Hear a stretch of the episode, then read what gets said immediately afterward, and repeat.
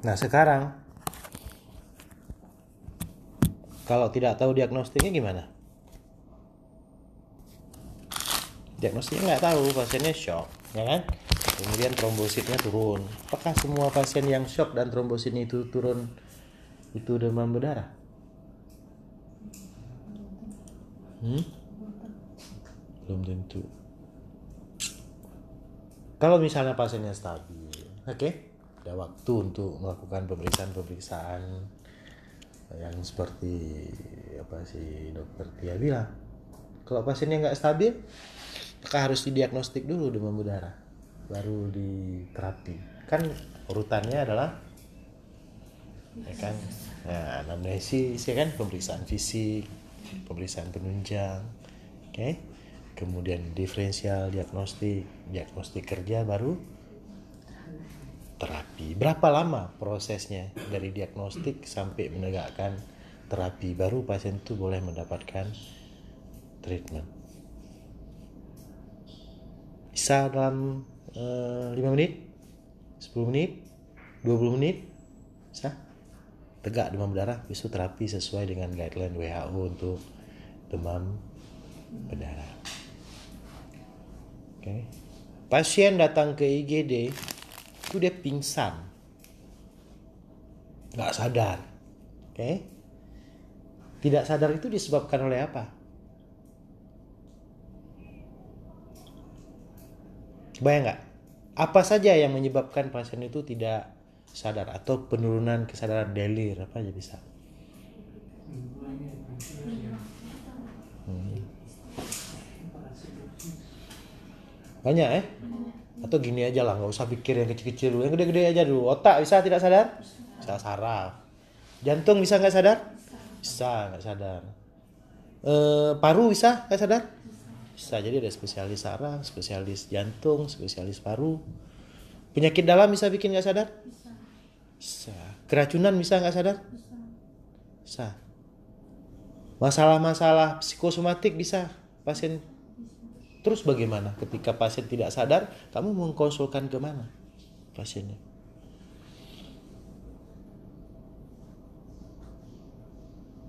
Apakah cara-cara ilmu kedokteran yang kita eh, pelajari selama ini eh, bisa menjawab masalah itu? Nih, pasien GCS-nya 4, tensinya 60. Oke. Okay kemudian dia baru baru aja tiba-tiba baru kejadian. Sebelumnya ya mungkin pasien baik-baik aja umur 60 tahun. Apa nih yang menyebabkan dia tidak sadar? Kamu dokter triase di IGD oke. Okay. dokter triase di IGD terus mau diapain pasiennya? Kalau kamu Resya ngapain nih pasien uh, kalau saya tetap mulai dari kesadarannya kemudian vital kalau dari vital hmm. sendiri nggak stabil berarti stabilkan itu. Dulu maksudnya kalau penyebab itu uh, bisa nanti. Yang penting jangan sampai hipoksia atau nggak sadarnya dia ini jadi penyebab perbukaan atau kausadar oke okay, baik. Kalis gimana kalis? Kalau kalau misalnya pasien yang pernah sadaran uh, pertama uh, tetap uh, menilai uh, ARB dulu kemudian ARB nya clear. Kemudian setelah itu dari semua dari readingnya saturasi uh, menilai GCS nya setelah GCS uh, setelah semua clear uh, kita nilai ini dari uh, exposure ya apakah ada mungkin resource controlnya ada mungkin kecurigaan atau ada dari penyebabnya apa sepsis yeah. macam uh, jadi kita intinya stabilkan dulu pasiennya di ini. Ya yeah, selamatkan dulu kan? Oke okay. jadi karena itu ya penyebabnya itu tidak tahu ya. Tapi mencari penyebab itu bisa menyebabkan pasien meninggal. Ya jadi karena itu kita harus mengembangkan satu sistem yang berbeda dengan pasien-pasien stabil di poliklinik. Oke di poliklinik kan bisa seperti itu. Kamu anamnesis riwayat penyakit sekarang riwayat penyakit terdahulu ya kan? Kemudian pemeriksaan fisik pemeriksaan penunjang itu bisa pada pasien-pasien yang stabil. Tapi ketika pasien itu tidak stabil itu nggak bisa dipakai, meninggal pasiennya. Itu ya. Karena itu di IGD itu buatnya namanya apa? Tri? Triase. Apa triase? Ini maksudnya problem ya. Jadi siapa pun yang saya dilihat di IGD itu masih problem nih. Walaupun yang duduk di IGD itu spesialis. Apa triase? Hmm. Iya memilah ya. Kenapa mesti dipilah Takin? Kenapa mesti dipilah Mas? Eh, karena kondisinya ini berbeda-beda butuh eh, penanganan yang berbeda kelas apa kelas kegawat daruratan yang berbeda butuh eh, tingkat pengawasan dan penanganan yang berbeda Iya. Karena bisa jadi ya kebutuhannya itu tidak terbatas tapi sumber dayanya terbatas ya. Karena itu bukan digilir pasien siapa yang lebih cepat datang itu yang diperiksa duluan. Jadi triase di IGD itu itu based on life threatening. Based on tingkat kegawatan. Oke, secara tradisional kan tri- triase itu merah, kuning, hijau, ya kan? Ya itu triase di lapangan, triase kalau ada korbannya masal atau apa is oke, ada hitam gitu lagi. Tapi di IGD nggak bisa pakai triase seperti itu. Di IGD itu kita pakai triase 5 tingkat ya, standar internasional sekarang itu 5 tingkat, 5 level. 5 level ya triase. Nah, salah satu yang paling umum dipakai itu namanya adalah ESI. ESI kan? Emergency Severity Index ya.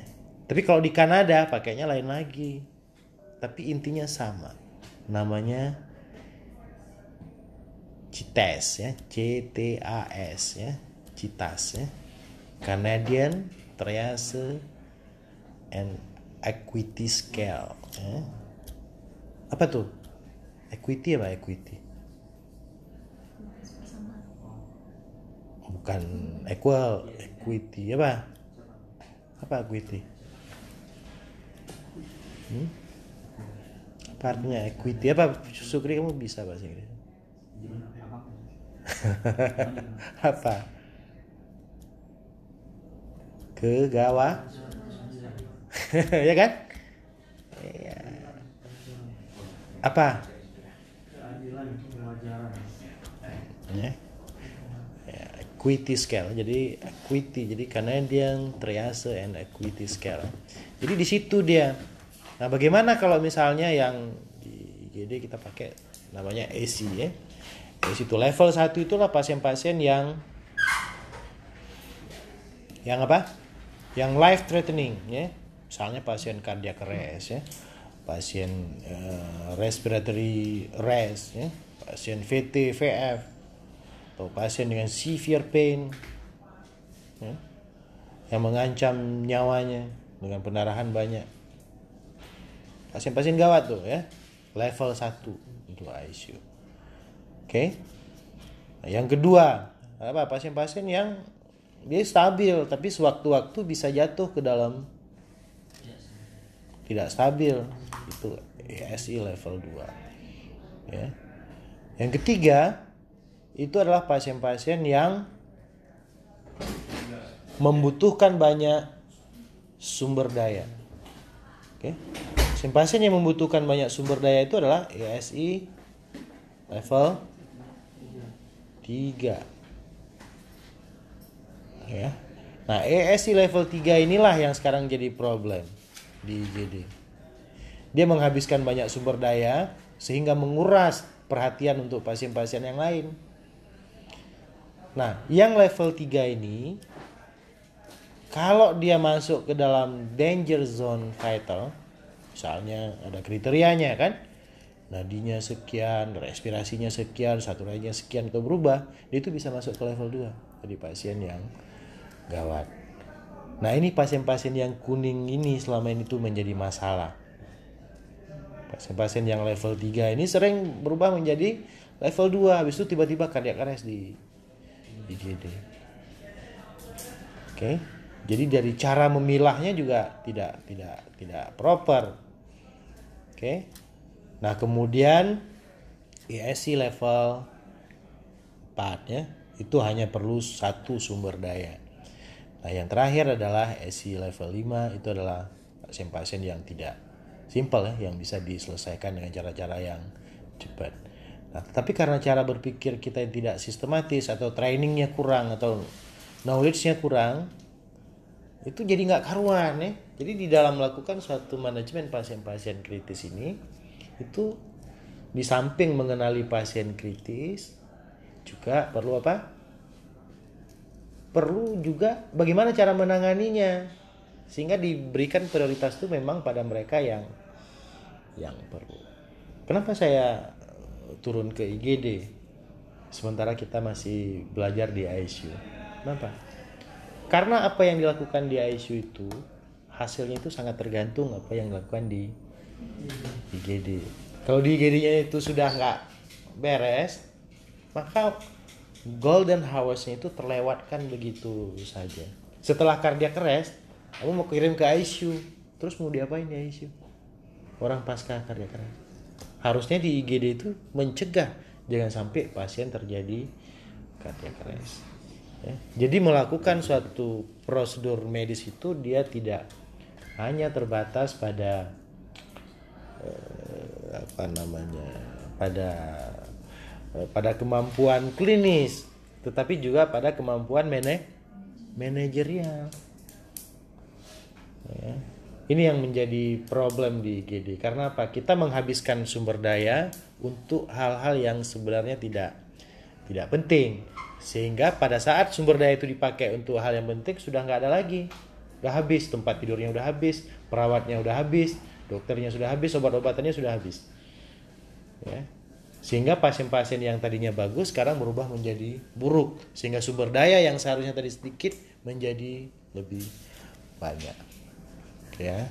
Jadi karena itu sangat penting dokter itu mengenali pasien-pasien yang mengalami deteriorasi pasien-pasien yang mengalami per perburukan oke. Ya jadi dalam istilah pasien safety ada yang disebut dengan medical error ya. Jadi medical error ya itu menyebabkan miss atau near miss ya. Meninggal atau hampir hampir meninggal hampir mati. Disebabkan oleh suatu medical error. Nah, kalau di breakdown ternyata medical error itu disebabkan oleh tiga hal yang besar. Pertama adalah human error. Kemudian yang kedua adalah medical complexity. Dan yang ketiga adalah system failure. Ya. Human error apa? Dia tidak tahu memang humannya bahwa pasien itu sebenarnya harus dipilah-pilah menjadi lima level kegawatan. Gak tahu. Terus bagaimana dari orang yang tidak tahu ini ditempatkan di satu tempat untuk mendapatkan hasil yang sesuai? Dia nggak tahu. Jadi harusnya human error itu bisa diatasin. Kenapa? Karena kebanyakan human error disebabkan oleh karena lack of training. Ya, tidak ada trainingnya. Jadi ketika orang menjadi dokter, misalnya saya bilang tadi, dia itu hanya mendapatkan sedikit waktu untuk ICU. Kemudian orang ini ditempatkan di di ICU untuk mengurus pasien-pasien ICU yang sebenarnya dia tidak tidak tahu apa yang dia urus. Akhirnya sambil jalan itu dia belajar.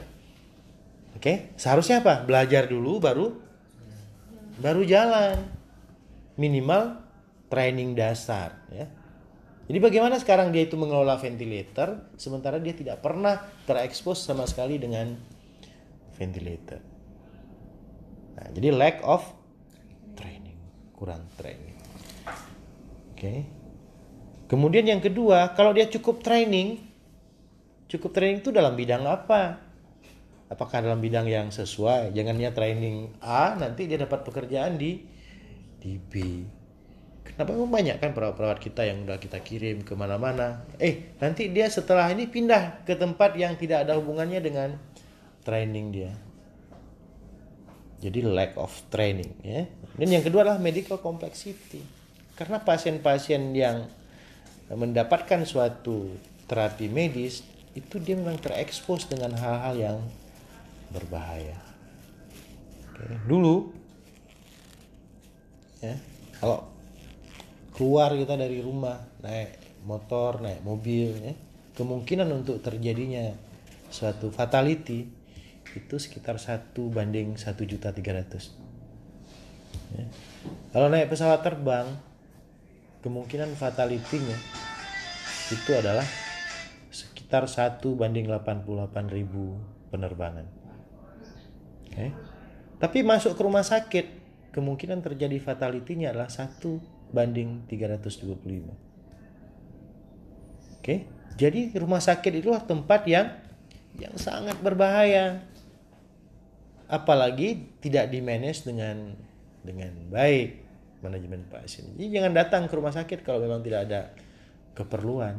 Dikit-dikit datang ke rumah sakit. Karena ingat ya, apa yang dimaksud fatality itu? Fatality itulah orang meninggal atau cacat tidak ada hubungan dengan penyakitnya. Dia masuk karena demam berdarah, tapi dia meninggal karena gagal ginjal. Oke. Jadi yang kedua lah medical com complexity. Nah, kamu lihat pasien-pasien yang berat, pasien-pasien yang kritis, dia itu problemnya lebih dari satu. Ada problem jantung, ada problem paru, ada problem brain, ada problem metabo, metabolik, ada problem hemostasis. Jadi dia bukan single organ. Jadi orientasinya kepada multi or multi organ. Ketika pasien seperti saya bilang tadi datang pasien dengan sesak nafas. Oke? Okay? Sesak nafas bisa karena paru, bisa karena jantung, bisa karena metabo metabolik. Tidak sadar. Tidak sadar artinya apa? Secara patofisiologinya.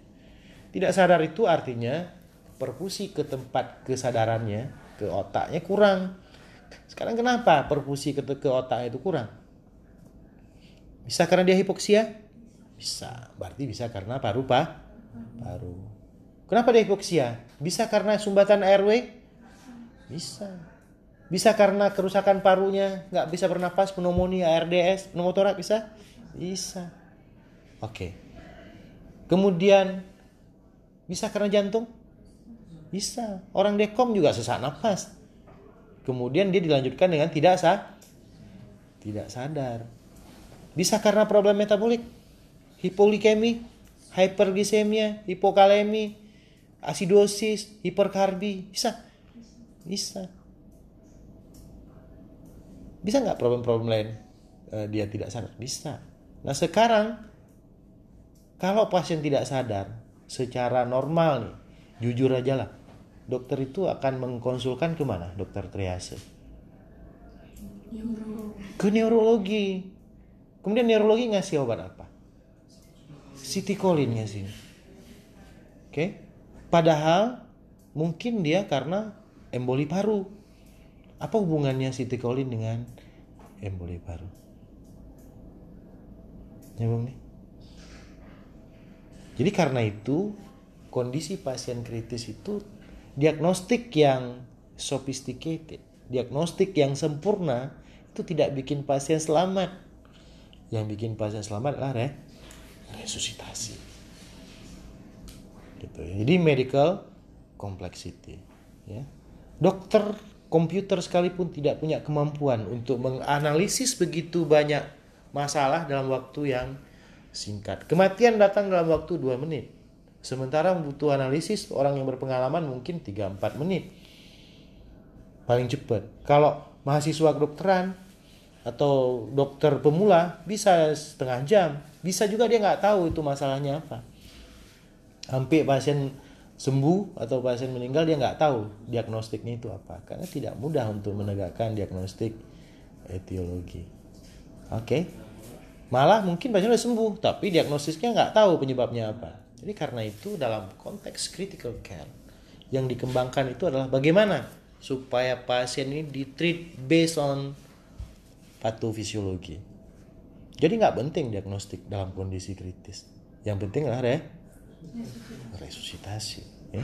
Jadi airway, breathing, circulation dan metaboliknya itu yang menjaga fungsi-fungsi organ itu tetap berfungsi dengan baik. Jadi ada namanya organ resuscitation. Jadi kalau organ itu sudah mengalami suatu kondisi per- perfusi yang lama atau mungkin eh, stop flow ke situ, itu harus lakukan resusitasi. Ya. Harus dibuat resirkulasi ke situ. Atau bisa juga karena gangguan masalah airway breathing sirkulasi ini, organ yang tadinya sehat maka dia akan rusak sehingga pasien ini akan berlanjut menjadi multiple organ failure. Jadi adalah organ protection. Jadi ada dua, ada organ resuscitation dan organ pro protection. Jadi harusnya kalau kalian bekerja di emergency, kedua hal ini di dimiliki, dipunyai. Oke. Jadi step pertama adalah apa? Memilah pasien, triase. Kemudian step kedua apa? Pasien-pasien yang berat ini mampu ditangani dengan dengan proper. Itu tidak cukup hanya triase saja, tapi juga punya kemampuan untuk bagaimana menangani pasien-pasien yang kritis ini sehingga kelanjutan dari kerusakan organ itu berhenti. Jangan sampai setelah ditangani di IGD organ itu masih rusak. Oke, sehingga pasiennya yang tadinya itu masuk karena sesak napas, sekarang dia komplikasinya cardiac arrest. Setelah cardiac arrest dia akan gagal gin, akan gagal ginjal. Kemudian diikuti dengan gagal sistem hemostasisnya, ya. Kemudian ketika kita datang, misalnya dari kiriman rumah sakit lain karena dia trombositopeni, diagnostiknya jatuhnya ke DHF. Jadi itu adalah sesuatu yang ya mungkin naif lah saya bilang ya. Naif. Jadi kita tentu saja tidak bisa seperti itu. Jadi kita harus mengembangkan cara-cara yang baik supaya pasien ini bisa tertangani secara sistematis, secara benar ya. Jadi satu tadi apa? Adalah medical error ya. Tadi disebabkan pertama oleh karena human error itu kebanyakan lack of training kemudian medical com complexity kompleks sekali. Ada NGT ada eh, kateter ada CPC ada eh, tube intubasi ya kan? Mungkin ada IABP ada pacemaker oke? Ada CRRT itu semua adalah celah-celah untuk terjadinya suatu medical error ya. Karena kompleksnya permasalahan medis. Satu Kemudian medical complexity yang lain itu diagnostiknya lebih dari satu macam. Dengan dokter penanggung jawabnya juga lebih dari satu, ya. Dokter yang merawat itu lebih dari satu. Ya karena itu dalam konsep pasien safety harus ada satu orang yang menjadi nakodanya. Jadi DPJP supaya apa? Supaya semua terapi-terapi ini bisa terkoordinasi dengan dengan baik. Gitu, ya. Kebayang nggak? Nah sekarang kalau di antara pemberi pelayanan ini nggak sepakat, nggak bisa menjadi teamwork yang baik ya udah tarik tarikan. Yang satu bilang perlu HD, yang satu bilang nggak, ya kan? Yang satu bilang ini antibiotik A, yang dua bilang B, yang tiga bilang C. Jadi yang mengambil keputusan otoritas itu ada pada D, DPJP-nya. Jadi kalau dikonsulkan kemudian terapinya nggak dipakai jangan marah. Ya karena memang nggak bisa semua itu diakomodasi. Oke, jadi Oke, jadi ada medical complexity ya. Itu berpengaruh ya pada anunya ya. Belum lagi ada profesi-profesi lain. Ada nurse, ada gizi, ada farmasi, ada sistem akreditasi dengan kertas-kertasnya ya. Dan itu semua berpengaruh terhadap apa yang dilakukan terhadap pasien. Oke ya. Nah, yang ketiga, penyebab dari medical error adalah sistem failure ya. Sistemnya failure. Oke. Rumah sakit obatnya nggak ada. Oke, bangun rumah sakit bangunannya dikorupsi ya. Sehingga speknya yang harusnya demikian menjadi ya kemudian biaya maintenance-nya nggak ada ya. obat-obatnya habis BPJS misalnya platformnya terbatas ya itu bisa menyebabkan pasien miss atau near near miss ya. atau sistem manajemennya juga ya mungkin apa ya macam-macam lah jadi intinya pada administratif error ya atau dokternya yang tidak disiplin karena rumah sakit tidak mampu membuat dokter menjadi disiplin itu berkontribusi terhadap keselamatan pasien. Nah, Oke, nah sekarang pasien-pasien mana sebenarnya yang rentan terjadi ini di rumah sakit? Ada kelompoknya yang rentan terjadinya miss atau near miss ini. Miss atau near miss ini sangat rentan itu adalah pasien-pasien yang AC level 1 atau AC level 2 bukan semua kelompok rentan terhadap miss atau near miss. Tapi semuanya itu ada kemungkinan. Tapi kelompok yang paling besar itu adalah kelompok-kelompok yang gawat. Jadi critical ill patient. Jadi sebenarnya kalau kita mau melakukan audit perbaikan, perbaiki itu dulu. Lihat dulu pasien-pasien gawat di rumah sakit. Di karena itu, rumah sakit yang baik itu harus sepakat dulu. Pasien gawat itu pasien apa? pasien mana yang dibilang gawat. Oke, harus ada ke kesepakatan. Di level internasional sudah ada kesepakatannya. Yang mana dibilang pasien gawat? Kalau di IGD, pasien gawat itu adalah pasien SC level 1 dan SC level 2. Kalau di ICU sudah jelas, semua pasien yang masuk ke ICU itu juga dinilai kegawatannya. Ada prioritas 1, prioritas 2, prioritas 3. Nah, sekarang yang di ruangan. Pasien apa seperti yang gawat di ruangan? Kalau pasien pasca bedah jantung misalnya, itu udah tahu kan? Itu adalah pasien gak gawat. Nah, sekarang pasien di ruangan, pasien metabolik itu banyak yang gawat-gawat tapi tidak diketahui. Oke? Jadi sebenarnya pasien gawat yang di ICU itu hanya sedikit. Justru banyak pasien gawat berada di luar ruang intensive care. Pasien-pasien gawat ini tidak dikenali oleh perawatnya atau perawatnya kenal tapi dokternya tidak tahu sehingga dia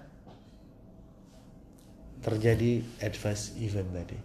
Ya, terjadi kejadian yang tidak diharapkan. Ketika pasien itu crash, cardiac arrest atau apa, maka dia baru dikonsulkan ke ICU. Padahal pada saat itu kita sudah do nothing karena too too late terlalu lama untuk mendapatkan manfaat dari perawatan ICU. Mungkin pada tiga hari yang lalu pasien itu masih prioritas satu, tapi sekarang dikonsulkan pada prioritas yang ketiga. Prioritas satu apa? Prioritas satu adalah pasien-pasien yang sedang terjadi gangguan kardiorespirasi. Oke. Okay? Prioritas dua apa? adalah pasien-pasien yang saat ini stabil tetapi ada potensi terjadi kardiorespirasi. Kemudian prioritas tiga apa? Adalah pasien yang tidak prioritas. Itu namanya prioritas tiga.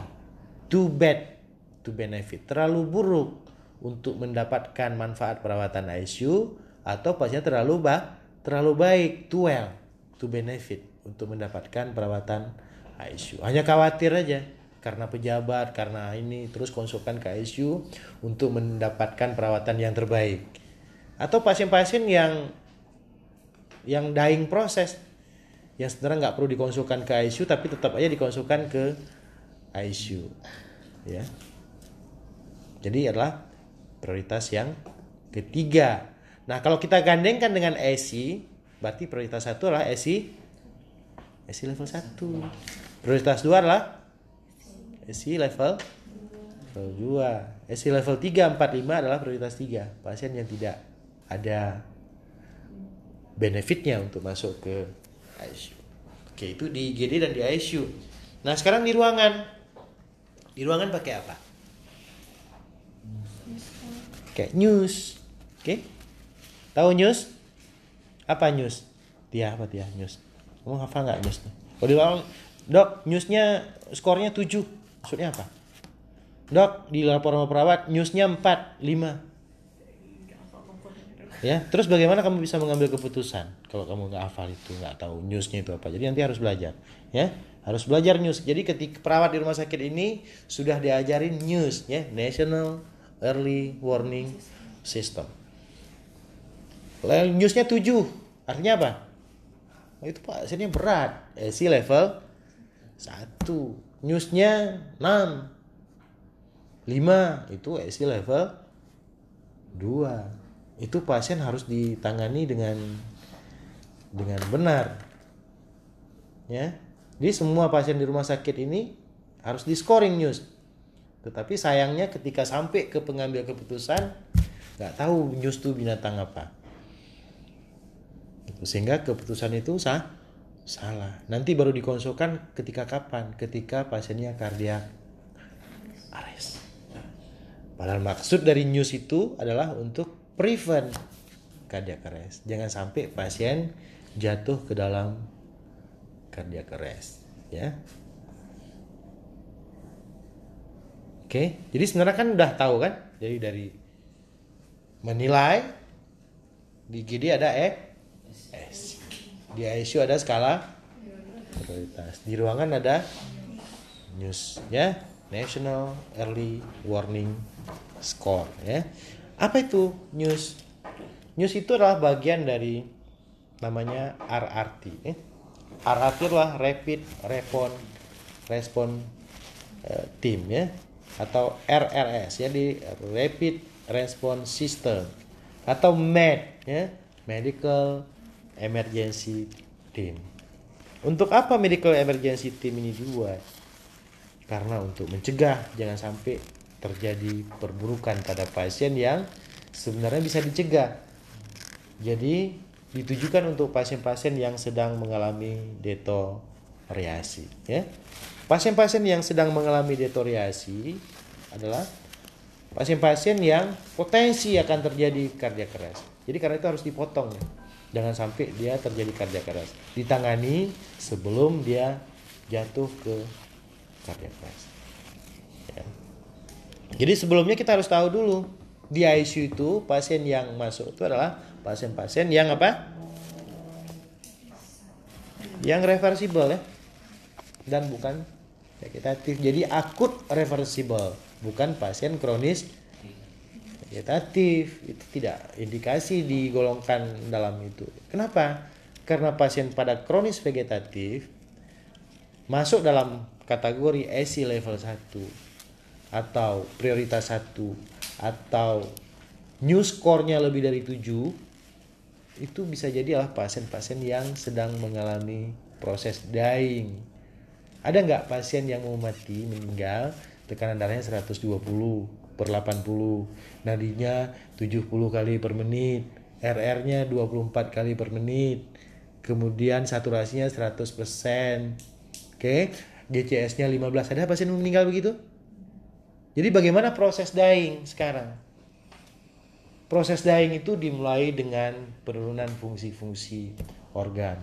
Fungsi jantungnya, fungsi paru-parunya, fungsi brainnya, fungsi metaboliknya, kemudian dia baru perlahan-lahan dia akan dari oke nanti urinnya nggak keluar baru dia mening meninggal. Nah sekarang pasien-pasien begini proses dying itu wajar nggak kita konsulkan ke ICU perlu nggak pasien dying itu dikonsulkan ke ICU apakah ICU itu bisa mencegah kematian?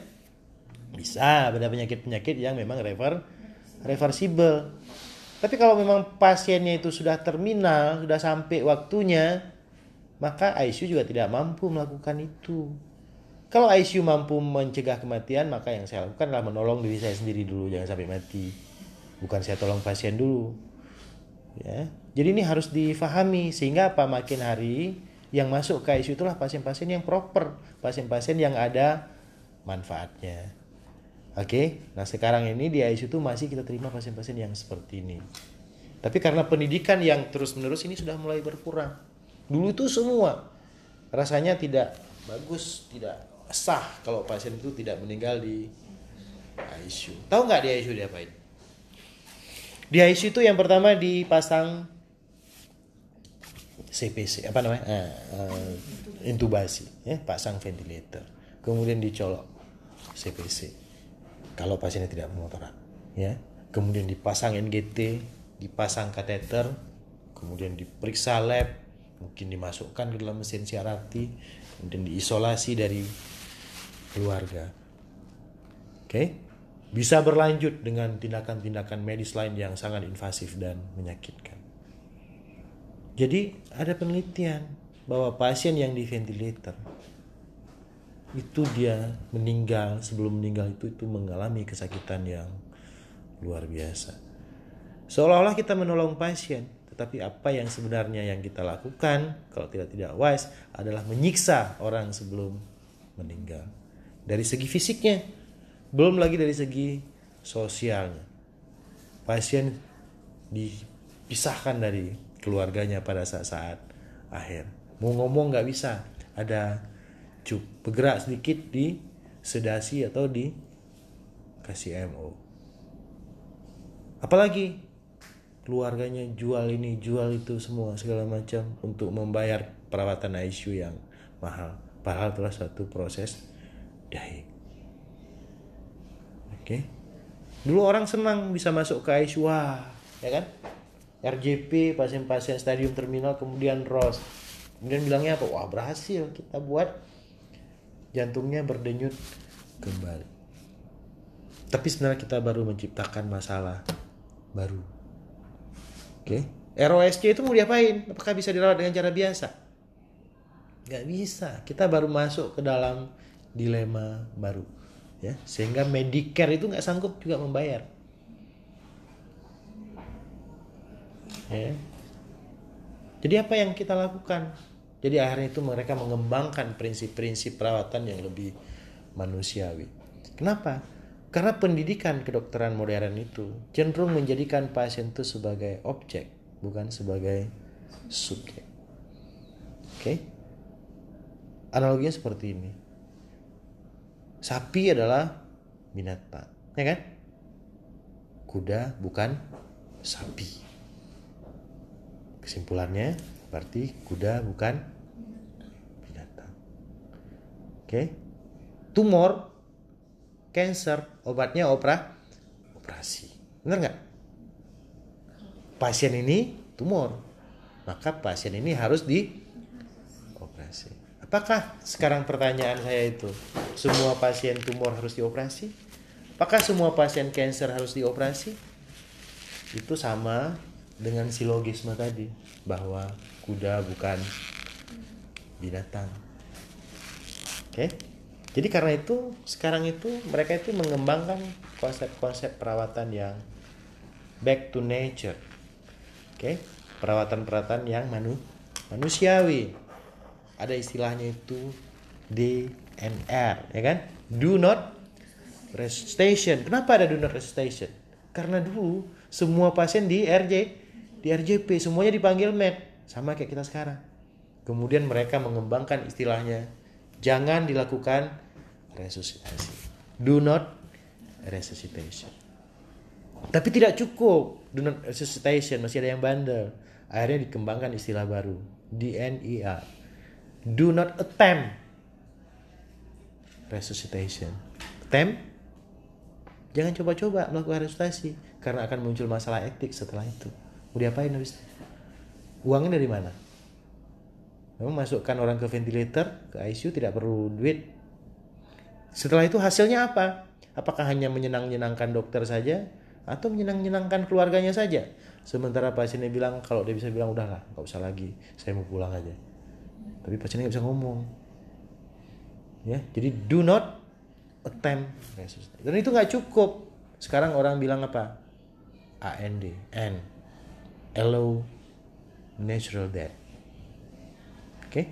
jadi kita the best place to die at home tempat yang paling bagus untuk meninggal tuh di rumah. Bukan di rumah sakit dengan orang asing di ICU dengan segala macam peralatan yang sebenarnya tidak membawa benefit apa pun untuk pasien.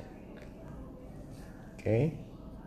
tetapi untuk apa juga ICU itu dibuat? ICU itu dibuat adalah untuk pasien-pasien yang reversible pasien-pasien yang sementara organnya itu terganggu. Karena itu dia perlu disupport. Jadi organ itu masih bisa kem kembali. Jangan sampai ICU itu menjadi tempat menunda proses kematian. Bukan memperpanjang kehidupan tapi memperpanjang kematian. Proses kematian yang mungkin secara naturalnya hanya 5 menit 10 menit sekarang diperpanjang menjadi dua bulan sebulan tiga, tiga tahun. Sebenarnya orang itu sudah meninggal secara secara sosialnya ya. Jadi karena itu dokter itu harus mampu memilih itu. Memilah itu dengan baik oke melakukan triase pasien mana yang benefit untuk masuk ke ICU pasien mana yang tidak punya manfaat apa pun untuk masuk ke ICU ini adik-adik yang dari penyakit dalam dari neuro ya dari pulmo perlu nih tahu ya supaya tidak semua pasien itu dikonsulkan ke ICU. Terus gimana juga kalau pasiennya sesak berat, sesak napas atau pasiennya sakit berat nggak dikonsultasi ICU, terus kami ngapain? Ngapain kira-kira kalian? Kalian ngapain? Hmm?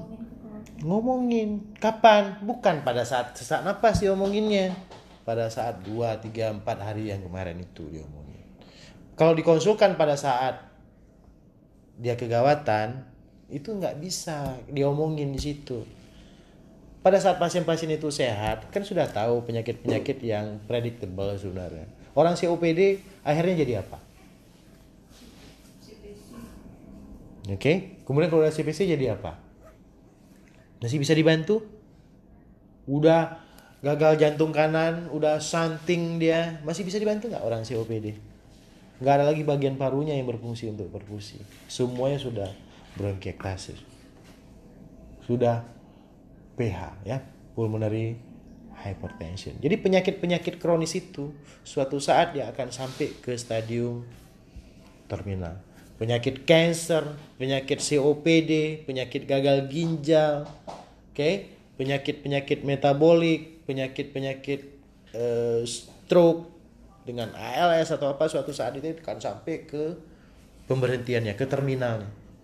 Nah pada saat sampai ke situ itu tidak ada lagi tindakan medis yang bisa dilakukan. Jadi yang dilakukan apa namanya? Ya edukasi, end of life-nya. Bagaimana end of life-nya? End of life itu dengan dignity, dengan mulia orang. Jangan end of life itu dicolok sana, colok sini, tusuk sana, tusuk sini. Oke, okay? rusak tubuhnya tapi nggak ada benefitnya untuk pasien.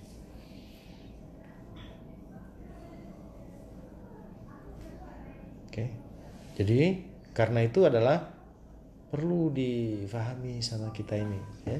Pasien mana kira-kira yang benefit untuk diintervensi, pasien mana juga yang tidak punya benefit untuk dilakukan intervensi.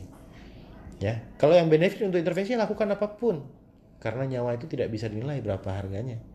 Tapi kalau pasien-pasien sudah jelas nggak ada benefitnya, jangan dilakukan intervensi. Oke. Okay? Intervensi itu apa? Termasuk potensial untuk dilakukan intervensi. Misalkan melakukan konsultasi ke med. Kalau dikonsultasi ke med, apa yang dilakukan sama med? Diintuba, intubasi. Kenapa? Karena dia belum tahu itu pasien apa. Jadi yang merawat pasien itu kan sudah berhari-hari nih, sudah seminggu, dua minggu, empat minggu. Masa pasiennya nggak tahu kalau dia itu mengalami suatu deto, detoriasi. Ya, nah, jadi seperti itu ya. Nah sekarang kebanyakan pasien tidak hitam putih dia. Jangan-jangan pasien ini bisa sembuh, jangan-jangan pasien ini tidak bisa, bisa inilah pasien-pasien yang mesti dipelajari dengan detail. Pasien mana yang bisa sembuh, pasien mana yang tidak bisa sembuh, kan tidak tahu kita. Atau pasien cancer, oke okay, stadium 4, sekarang mengalami sepsis atau gagal ginjal akut. Apakah itu bisa sembuh? Sepsisnya bisa tapi kansernya nggak bisa. Jadi sepsisnya harus diobati. Tetapi di dalam prakteknya mengobati sepsis pasien kanker maka bukan hanya komplikasi sepsisnya cuma berkembang komplikasi-komplikasi lain yang diperberat oleh under lainnya. Misalnya pasien kanker itu kan trombogenik. Dia bisa trombosis di mana-mana. Pasien kanker dia imunoparalisis imunokompromis ya. Sehingga pasien kanker itu bisa infeksi jamur bisa dengan multiple organ failure sekarang pasien kanker sepsis kemudian berkembang menjadi multiple organ failure apakah kamu perlu melakukan CRRT apakah perlu melakukan HD gagal ginjal ya? Akut. Perlu nggak? Perlu? Perlu. Ya bisa perlu bisa tidak lihat pasiennya oke Ini pakai asuransi apa? BPJS? Bisakah kamu pakai BPJS seharga 60 juta? Apakah pemerintah mau bayar? Kalau pemerintah nggak mau bayar, siapa yang bayar? Keluarganya nggak mampu.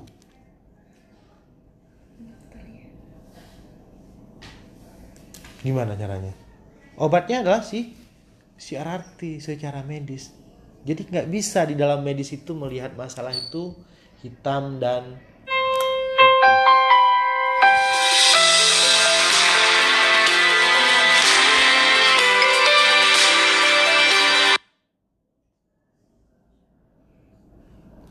Ya.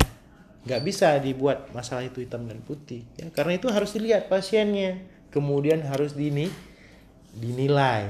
Kemudian lihat anamnesis yang benar. Pasien ini punya keluarga nggak? Punya kekayaan nggak? Kalau dia selamat ini selanjutnya siapa yang merawat? Oke? Jadi Tyler Matt. Treat pasien itu based on kebutuhannya bukan di treat guideline apalagi angka ang angka atau penyakitnya. Jadi yang diterapi adalah pasiennya bukan penyakitnya. Karena itu treat bukan terapi. Treat itu perlakukan pasien itu sebagaimana layaknya seorang manusia. Jangan penyakitnya yang diurus. Karena kalau kamu ngobatin penyakitnya dokter itu bisa kalah bisa menang ya kan? Kalau penyakitnya sembuh dokternya menang. Kalau penyakitnya tidak sembuh dokternya kah kalah. Tetapi kalau kamu treat pasien kamu obati pasien selalu menang.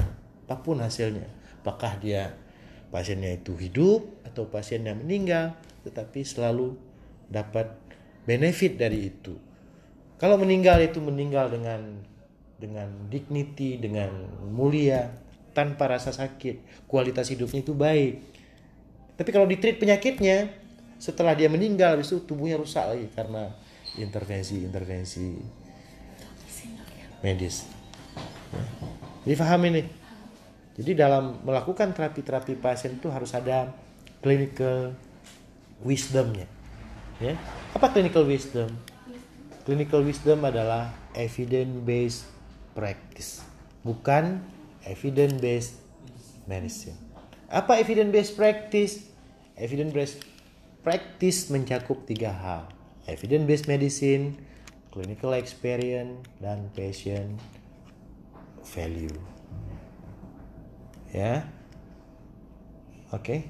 Jadi begitu. Ya, jadi pendekatan ICU itu kira-kira seperti itu.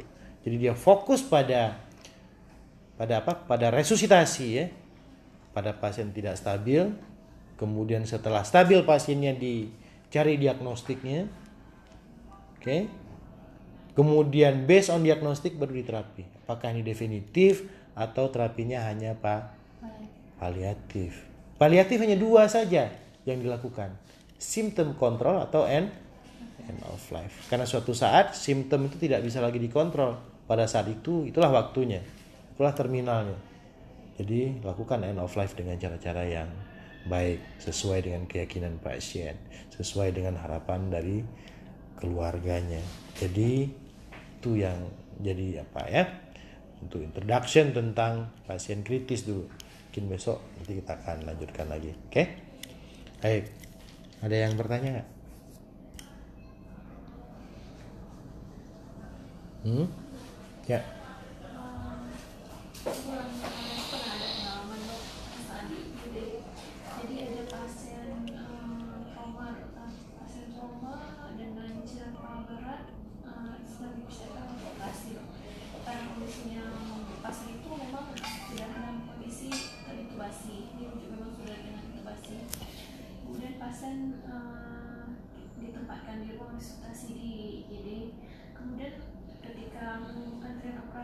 operasi eh, penurunan ICS akhirnya konservatif ke neurologi.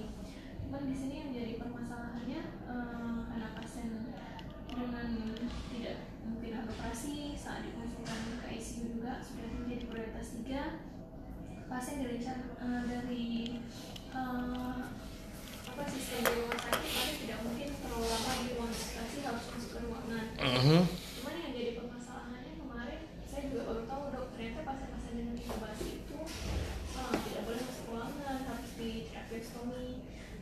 yang bilang saya ketika yang kamu lahir itu kan sebaiknya ada sedikit kita tidak um, um, apa melakukan yang invasi lagi ibaratnya trakeostomi seperti itu iya. maksudnya di sini yang maksudnya sudah harusnya seperti apa dok ya hmm.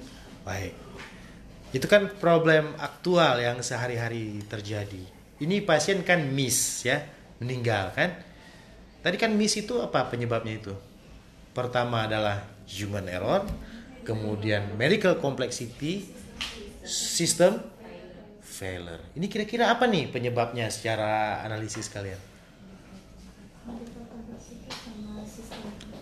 Sistemnya failure. Apakah sekarang sistem failure itu sistem di Zainal Abidin yang failure-nya? Atau sistem di luar? Kalau saya trace pasien ini, maka ini dari rumah sakit udah berapa lama di luar? Ya, hari itu juga berapa jam?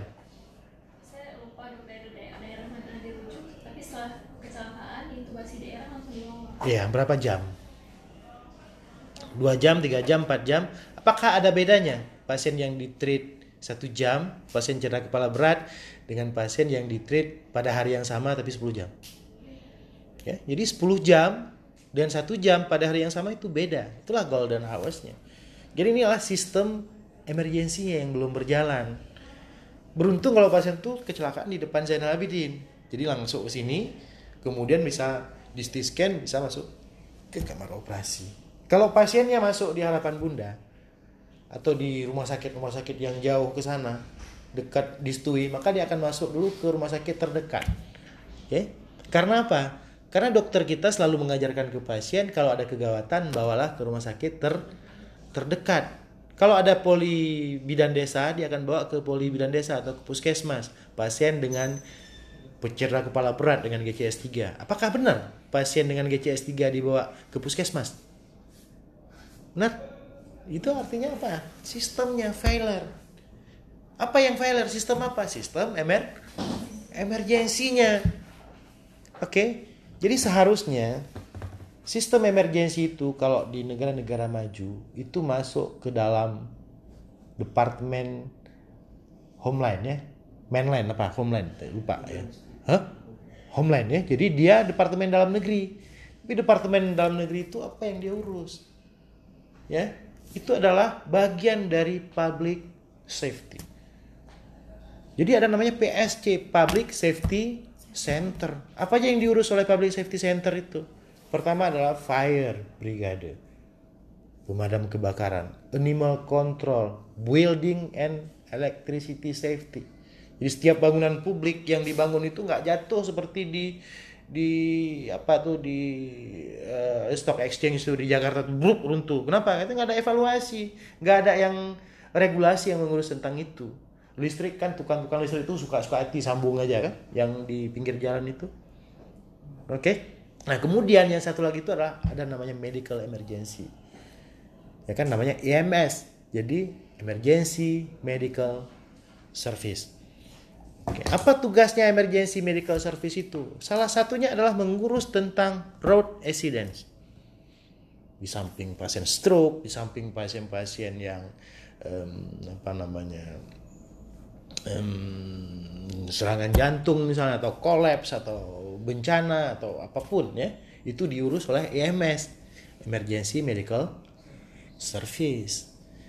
Nah, sekarang terkait dengan pasien ini. Kemudian pasien ini kecelakaan di lapangan. Oke? Setelah kecelakaan di lapangan dibawa sama tukang becak ke rumah sakit. Kan biasanya kan gitu kan? Tukang becak yang bawa atau orang orang awam. Mungkin dia masuk ke dalam mobil Avanza atau masuk ke becak. Ya bukan ambulans.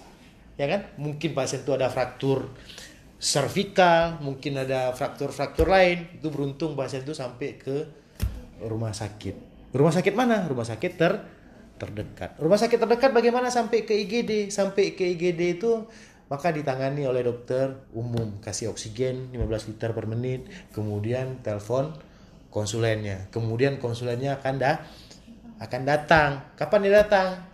Ya bisa nanti malam, bisa besok, pokoknya dilihat dulu sama dokter eh, spesialisnya. Kemudian dia dengan konsulennya, nggak bagus nih nggak mungkin. Bawa ke Zainal Abidin. Oke? Sampai ke rumah sakit referral kemudian pasiennya tuh di CT CT scan. Di CT scan juga lagi antri CT scannya. Kamar bedahnya juga lagi antri. Kemudian pasien itu yang tadinya mungkin GCS-nya berapa sekarang GCS-nya 3 Oke, masuk ke ketiga di IGD itu di in, intubasi. Kalau kita lihat rujuk-rujuk ke belakang itu udah berapa lama pasiennya. Jadi bukan pasiennya tidak punya kesempatan untuk untuk hidup, tetapi sistemnya yang failure. Dan sistem failure itu bukan di rumah sakit ini, tetapi di community-nya, di public safety-nya tidak tidak berjalan.